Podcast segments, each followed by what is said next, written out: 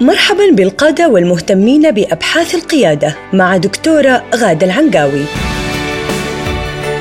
حيث تقدم لكم أبعاد القيادة المتعددة للمنظمات وفرق العمل. وتلتقي بكم كل أسبوع في لقاء شيق لطرح مفاهيم حديثة تثري رحلتكم القيادية. أهلا وسهلا بكم في بودكاست القيادة. محدثتكم الدكتورة غادة عنقاوي متخصصة منذ عشرون عاما في القيادة بجميع مستوياتها من خلال أبحاثي في الدكتوراه وبخاصة السلوك القيادي الفعال. كما أنني موجهة قيادة وفرق عمل ممارس متقدم ومقيم لذكاء المشاعر ومقيم لذكاء الثقافات ومؤلفة لكتب وأحمل خبرة في موضوع التوجيه القيادي وتوجيه فرق العمل. معي المهندس عبد الله الجرف خبير تطوير قيادي متمرس بخبرات تتجاوز 16 عاما في قطاعات مختلفة في المملكة العربية السعودية وهو المؤسس الرئيسي لفرع الاتحاد الدولي ICF بالمملكة العربية السعودية. وقد حصل مؤخرا على جائزة Thinkers 50 Marshall Goldsmith 2019 وهو عضو في فريق القيادة النيو كاريزمية. أهلا بك عبد الله في بودكاست القيادة. أهلا وسهلا يا دكتورة. المرة اللي راحت اتكلمنا عن بعض المشكلات التي يواجهها فريق العمل. عند إهماله تحدثنا أعتقد في موضوع إهمال الرؤية المشتركة المحفزة وأيضا حجم الفريق وبعض التحزبات التي تحدث إذا كان حجم الفريق كبير. واليوم نكمل علاج المشكلات التي تحدث بسبب إهمال شروط فريق العمل الستة. آه ونتكلم عن هذا الشيء اليوم إن شاء الله. لعلك آه عبد الله آه عندك الكثير من التجارب في هذا المجال فإذا تحب تطرح بعض الأفكار في من الأمثلة الواقعية في عملك حول المشكلات. طيب عشان نعطي المثال الصحيح أي مشكلة اللي حابة إننا نركز عليها اليوم؟ يعني ما أعرف. إحنا الم... إحنا دائما يعني نطرح المشكلة ونفككها أنا وأنت وبعدين نطلع يطلع معانا مشاكل أخرى. يعني ندور فيها مرة ثانية على على الشروط. فاديني اللي عندك وأنا أساعدك فيه. طيب في من المشاكل اللي تواجه فرق العمل أحيانا إنه في ظل انغماس الفريق في العمل وفي الروتين أو في ال operations والعمليات ينسوا الرؤية المشتركة ينسوا الغاية الأسمى لوجود الفريق. وهنا يجي دور القائد في إنه ينبههم لهذه الرؤية لأنه في منهم بعد فترة يفقد المعنى يفقد الحماس يصير خلاص ما عنده أي نوع من التحفيز جاي العمل بس يؤدي واجب. غير لما يكون مستشعر إيش الرؤية الكبيرة أو إيش الهدف الأسمى اللي هم كلهم يبغوا يوصلوا له. يعني إحنا هنا غير الهدف المحفز للفريق نفسه اللي هو الخاص بمهمتهم هنا نتكلم عن ربط الغاية المشتركة بالرؤية التنظيمية اللي هي من أجلها وجدت كل هذه الفرق.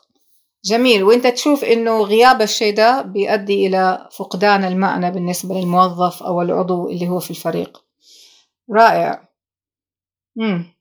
إحنا أظن في أحد الحلقات تكلمنا عن وجود شيئين مهمين لابد من غاية مشتركة ولابد من رؤية. رؤية خاصة بالفريق لأنه الفريق هذا ممكن يكون طويل المدى وإذا كان فريق مؤقت أنشئ لهدف معين تكون رؤية تنظيمية ترتبط بأهداف الفريق. وهذا يمكن يقع بشكل كبير أو يؤدي بشكل كبير إلى موضوع المهمات اللي يقوم بها الأعضاء. فإيش المشكلات اللي ممكن تظهر في ما يتعلق بالمهمات المناطة بالأعضاء اللي تساعدهم إنهم يكونوا فريق؟ أو المهمات اللي تفرق بينهم؟ واحدة من الأشياء اللي تحصل في كثير من الأحيان لما يجي قائد الفريق يوزع المهام على الأعضاء المختلفين إنه ينظر لهم كأنهم آلات ما كأنهم بشر. فبالتالي ما يراعي الفروق الفردية ما يراعي نقاط القوة عند كل واحد ما يراعي كل واحد فين متميز ما يراعي كل واحد إيش يحب من المهام ويصلح فين. بالتالي تلاقيه يلا عندي مجموعة من المهام مهمة رقم واحد واثنين وثلاثة عند فلان أربعة وخمسة وستة عند فلان سبعة وثمانية وتسعة عند فلان. بس كذا توزيع خلينا نقول آلي أو أوتوماتيكي.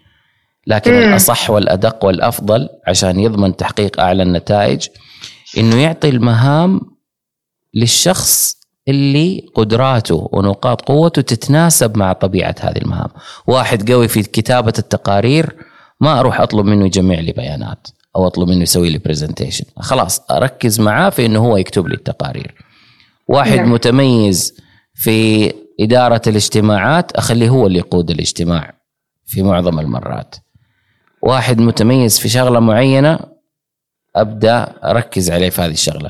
مع الأخذ بعين الاعتبار إنه لازم أنا أطور الجميع فلا مانع من إنه يصير في آه، نوع من التدوير الوظيفي أو الجوب روتيشنز بحيث إنه كل واحد يعرف زملائه إيش قاعدين يسووا وشوية شوية يتعلم منهم. لكن أكون حاط في بالي أنا كقائد للفريق إني إذا أبغى أنجز وأبغى أحقق نتائج بسرعة أو بشكل فعال أعطي الخبز لخبازه. نعم. فلان قوي في الشغلة الفلانية خلاص أخليها من ضمن مهامه الرئيسية. نعم. والناس اللي أضعف منه ممكن أخليهم يتعلموا منه أو يشوفوا هو كيف قاعد يسويها أو يبدأ شوية شوية نعم. يدربهم وهكذا. نعم.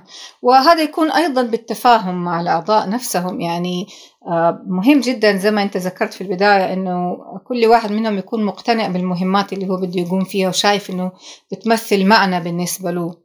وهنا يجي يمكن موضوع التكامل. يعني ما يكفي إن إحنا نتعاضد ونتعاون لابد إن نحن نتكامل ونتكامل معناته نحن مختلفين ويكمل بعضنا البعض. فإذا كان حنشتغل مع بعض كفريق لابد من التكامل. وحتى نتكامل لابد أن نكتشف عن بعض أشياء آه، آه، كيف نكمل بعض فيها. يعني من غير ما يصير الحوار ده حوار أنا مين وأنت مين وإيش نقاط قوتك وإيش نقاط قوتي وكيف نكمل بعض وكيف نحل المشكلات اللي ممكن تنشأ وإحنا بنشتغل مع بعض ما يحدث التكامل. فمهم القائد كمان يشجع إنه هم يعملوا مع بعض نوع من التواصل ويكتشفوا أو يدير هذه الحلقات حلقات توجيه كوتشنج خاصة بس تعالوا يا جماعة نكتشف اليوم عن بعض أشياء ما كنا نعرفها عشان نقدر نوظف الأشياء اللي تطلع في آه، مهمة الفريق والغاية المشتركة. رائع إنك أنت جبت هذه النقطة. شكرا دكتورة. وفي عدة وسائل وطرق إنه القائد يكتشف إيش هي نقاط القوة عند كل واحد من أعضاء الفريق. واحدة من هذه الوسائل إنه يطلب منه ياخذ اسسمنت أو مقياس معين لاكتشاف نقاط القوة. يمكن مو كل الناس يحبوا يسووا مقاييس أو ينظروا لها نظرة سلبية أو يخافوا منها أو ما عمرهم سووها فيحاول يجاوب إجابات يعتقد إنها مثالية وبعدين يكتشف إنه ما في أصلا إجابة مثالية. فهذه واحدة من الطرق، في طرق أخرى منها المراقبة والملاحظة إنه القائد لما يعطيهم مهام ولنفترض أعطاهم كلهم شغلة معينة وراقبهم بعد أسبوع حصل واحد خلصها في يومين، واحد خلصها في أسبوع، واحد انتهى الأسبوع وهو لسه ما خلص نصها. فيعرف هنا مين المتميزين فيها مين الأقوياء نعم. فيها مين السريعين مين اللي يسووها بطبيعتهم مين اللي يسووها بدون تكلف مين اللي لا يعاني ويجاهد ويتعب وفي الآخر يعطي نص المتوقع منه. نعم. فهذه برضو واحدة من الطرق اللي هي الملاحظة والمراقبة لكن هذه يمكن تاخذ وقت شوية لأنه حيجرب عدة مهام في عدة آه، تجارب ألين ما يكتشف مين يصلح لإيش مين أقوى في الشغلة الفلانية. واحدة من الطرق الأخرى إنه يسأل يسأل كل واحد فيهم أنت متميز في إيش؟ أنت قوي في إيش؟ نعم. إيش أبرز إنجازاتك خلال السنوات الماضية؟ إيش الحاجات اللي أنت تشعر بالفخر والاعتزاز لما تسويها؟ إيش الحاجات اللي تعتبر بالنسبة لك سهلة؟ فين ملعبك؟ فين أنت قوي؟ فين أنت متميز؟ هنا من إجابات الناس يقدر هو يستشف كل واحد يصلح أحطه في أي مكان وفي أي خانة وفي أي مهمة. هذا حوار جدا مهم آه إنك تسأل أعضاء الفريق هذه الأسئلة وأنا أشجع في توجيه الفريق إنه يكون السؤال هذا مطروح أمام الجميع. يعني كل واحد ياخذ فرصة نخرج عن الاجتماعات الروتينية ونعمل اجتماع مرة في الأسبوع نسميه team coaching وفي هذا الاجتماع نخرج عن الطريقة التقليدية في مشاركة الإنجازات وإيش لازم نعمل دحين وبكرة إيش ال deadline لا نخصصه فقط للاكتشاف. نطرح سؤال فيه ونقول فيه يا جماعة أنا لي فترة بشتغل معاكم وأعرف عنكم بعض الأشياء لكن أنا متأكد إنه أنتم عندكم نقاط قوة يمكن ما ظهرت بسبب المهمات الموجودة. فيا ترى آه، لو جلسنا وكل واحد يتكلم عن نفسه وقال مثلا ثلاثة نقاط قوة هو يعتبرها أفضل آه، يعني ما لديه وممكن يقدمه في هذا العمل. آه، ولو كل واحد يتكلم الثاني ياخذ نوت observing وبعدين حنعمل نوع من التعاضد. ونشوف كيف ممكن نكمل بعض. ونعطي فرصة للجميع أنهم هم يدخلوا في الساحة هذه في الحوار ده عشان يطرحوا أفكار جديدة لإنجاز العمل سويا من خلال النتائج حقت النقاط. فهذه أحد الأشياء اللي يعني ممكن تجيب نتيجة حلوة لو القائد استخدمها. فنيجي لموضوع التعاضد. وإحنا يمكن نعرف التعاضد ونقول هو عادة ما نتكلم عن التعاون نتكلم عن التكاتف. أنا أحب أسميه التعاضد لأنه سنشد عضدك بأخيك. العضد آه، في ملاحمة أكثر من الكتف وفي ملاحمة أكثر من التعاون. يعني إحنا مو بس بنساعد بعض كده واحد طاح منه شيء وقام الثاني شله هو لا. إحنا بنحط يدنا في يد بعض كده وبنربط العضد في الثاني علشان ننجز مهمة سويا مع بعض. نشيل الحمل سوا. فيا ترى إيش المعوقات أو المشكلات اللي يواجهها الفريق لما يبدأوا يشتغلوا مع بعض في التعاضد؟ يدخلوا خلصنا التكامل وعرفنا نقاط القوة. طب إيش الأشياء الثانية؟ إيش حنعمل دحين؟ ممتاز. في بداية التعاضد في بعض الأعضاء يعتقد أنه أنا جاي أخذ شغله. أو جاي أكل الجو عليه أو جاي أغطي أو أبرز على حسابه أو أطلع على كتفه. وما تلوميهم لأنه يكونوا انقرصوا أو شافوا مواقف سابقة حصل فيها فعلا إنه شخص أتسلق على أتسلق على أكتافهم أو نجح مقابل إنه هم يخسروا. فلازم هنا نعم. يكون وضوح من البداية إنه إحنا كلنا بنتعاضد ليش؟ بنتكاتف ليش؟ بنتعاون ليش؟ ويكون في هنا دور كبير جدا على القائد إنه يراعي إنه ما حد يبرز على حساب الآخر إنه كلهم ياخذوا الكريدت أو ياخذوا الثناء اللي يستحقوه لما ينجزوا مع بعض. ما يكون واحد هو النجم اللامع والباقيين يكونوا في الظل. فهذه برضو من نعم. الأشياء اللي لازم ينتبه لها القائد. والنفوس تختلف طبعا وطبايع الناس تختلف. في ناس يحبوا يبرزوا يحبوا يظهروا. وفي ناس يحبوا يشتغلوا هم ساكتين لكن هذا لا يعني إنه اللي اشتغل وهو ساكت أو انجز وهو ساكت إنه ينظلم أو ينهضم حقه أو إنه ما يبرز بسبب إنه ما تكلم زي اللي يحب الظهور واللمعان نعم. هذه هذه عوامل نفسية جدا مهمة ينبغي مراعاتها في العمل الجماعي وأيضا بعد انتهاء العمل إنه يشعروا آه، إنه هنا نيجي مرة ثانية لموضوع المكافأة اللي تكلمنا عنه في الحلقة السابقة. آه، هل بيتم مكافأة هذا التعاضد ولا بيجي واحد على حساب الثاني وبيكافئ الشخص اللي دائما صوته طالع والثاني اللي ساكت ما, ما بيتم مكافأته؟ وفي النهاية آه، ممكن التعاضد يكون بطرق جدا بسيطة يعني. ممكن يكون في شخص لازم يكتب تقرير زي ما ذكرت. والباقيين ما يقدروا يكتبوا معه بس هم قاموا بأشياء تانية عشان يوفروا له المعلومات اللي موجودة في هذا التقرير. ولازم يصير في نوع من الاعتراف بالعمل من القائد. اعتراف إنه أنت قمت بهذا العمل وإحنا نشكرك عليه. اعتراف غير الشكر غير الثناء غير المديح غير التعزيز. كلها كلمات آه، يمكن تكون متشابهة عند البعض لكن كل واحد فيهم له لغته الخاصة. فمهم جدا. كأني الآن بديت أشعر إن إحنا دخلنا في موضوع الاتصال بشكل أو بآخر. هو أحد الممكنات المهمة في في هيكل الفريق. ما هي آليات الاتصال؟ دائما إحنا نسأل لما نتكلم عن الشرط الرابع. ما هي هل يوجد قواعد وقوانين للاتصال بين أعضاء الفريق تمكنهم من الأداء المتميز؟ وإيش المشكلات؟ فأنا ما حتكلم عن القواعد والقوانين اللي غطيناها في الحلقات السابقة لكن الآن إيش المشكلات اللي تواجههم لو إنهم ما حطوا هذه القواعد والقوانين؟ وما انتبهوا لها. في كثير من الأحيان آه، قائد الفريق يعتقد أنه أدى المطلوب أو سوى اللي عليه أو أنه وصل رسالة لشخص وطلب من هذا الشخص أنه يوصلها للناس اللي تحته يعني مثلا يكون هو مدير إدارة يوصل الرسالة لواحد من المشرفين ويطلب من المشرف انه يوصل الرسالة للناس اللي تحته ويكتفي بهذا القدر ويكتشف بعد فترة إنه الرسالة وصلت غلط أو ما وصلت أساسا أو وصلت على النقيض تماما. يعني هو كان يبغى شيء في الشرق واللي فهموه الناس في الغرب وبالتالي تحصل مشاكل.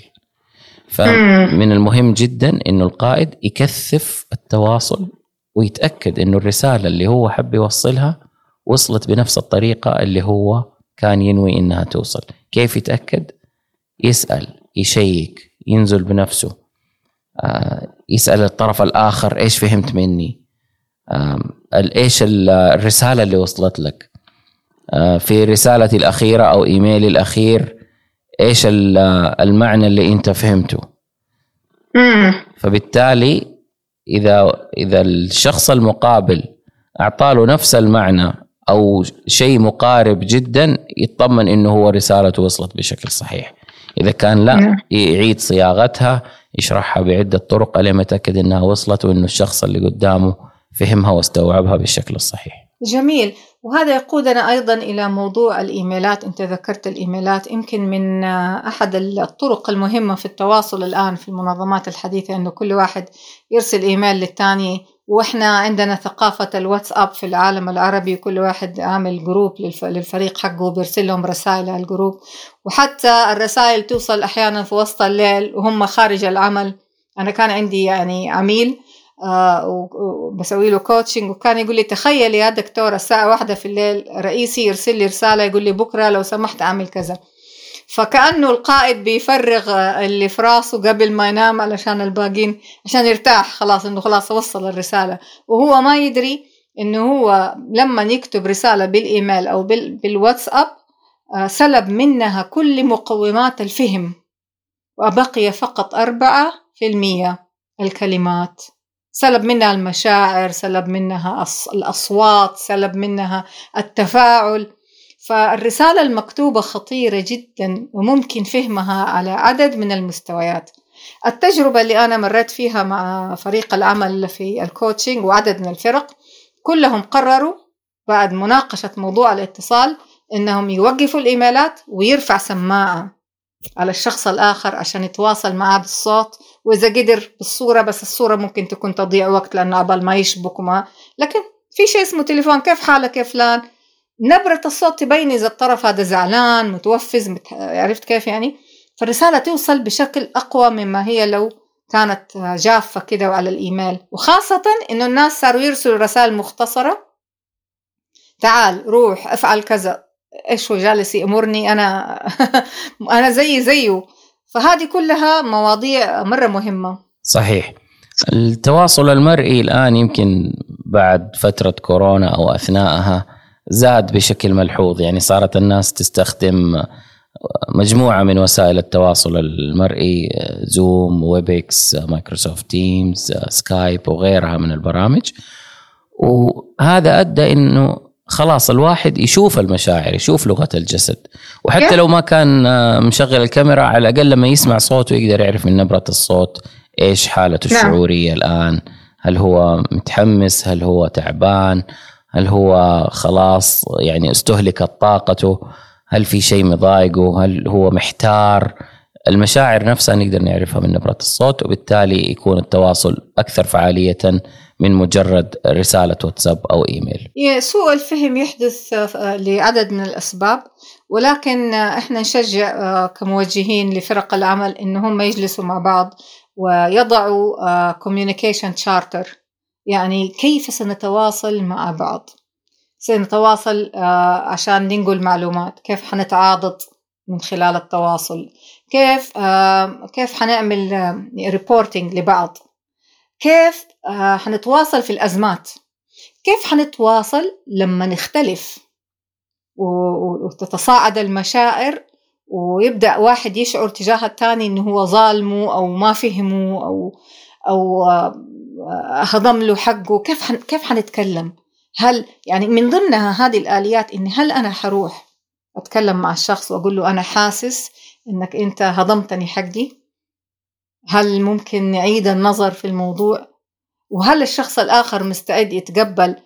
آه أنا آسف إنك أنت تشعر بأن أنا أنا هضمتك بس ترى أنا ما قصدت آه ومستعد إنه يسمع الكلمة دي لأنه هضمتني حقي فيها اتهام. فإيش نعمل لما يصير في اتهامات؟ حتى لو اتهامات بسيطة بكلمات إحنا ممكن نكون في أقصى وقمة الذوق والأدب مع بعض ولكنها على طول يعني المشاعر تشتعل ويبدأ الإنسان يبني تصورات وافتراضات عن الآخر غير صحيحة. فاحنا وقتنا أخذنا الوقت اليوم. آه، أظن إن إحنا وصلنا إلى نهاية هذه الحلقة لكن موعدنا معاكم إن شاء الله في الحلقة القادمة عشان نكمل المشكلات التي يواجهها الفريق والتحديات آه، أثناء عمله سويا. شكرا لك عبد الله معايا في هذه الحلقة وشكرا أعزائي المستمعين آه، لانضمامكم. آه، أرغب أن ألفت انتباهكم إلى أننا نتلقى أسئلتكم حول القيادة وبالذات قيادة الفريق في رابط التواصل عبر موقعنا www.newcharismaticleader.com إلى اللقاء. استمعتم للدكتورة غادة العنقاوي تتحدث عن قيادة المنظمات وفرق العمل في بودكاست القيادة. إلى أن نلقاكم مجدداً.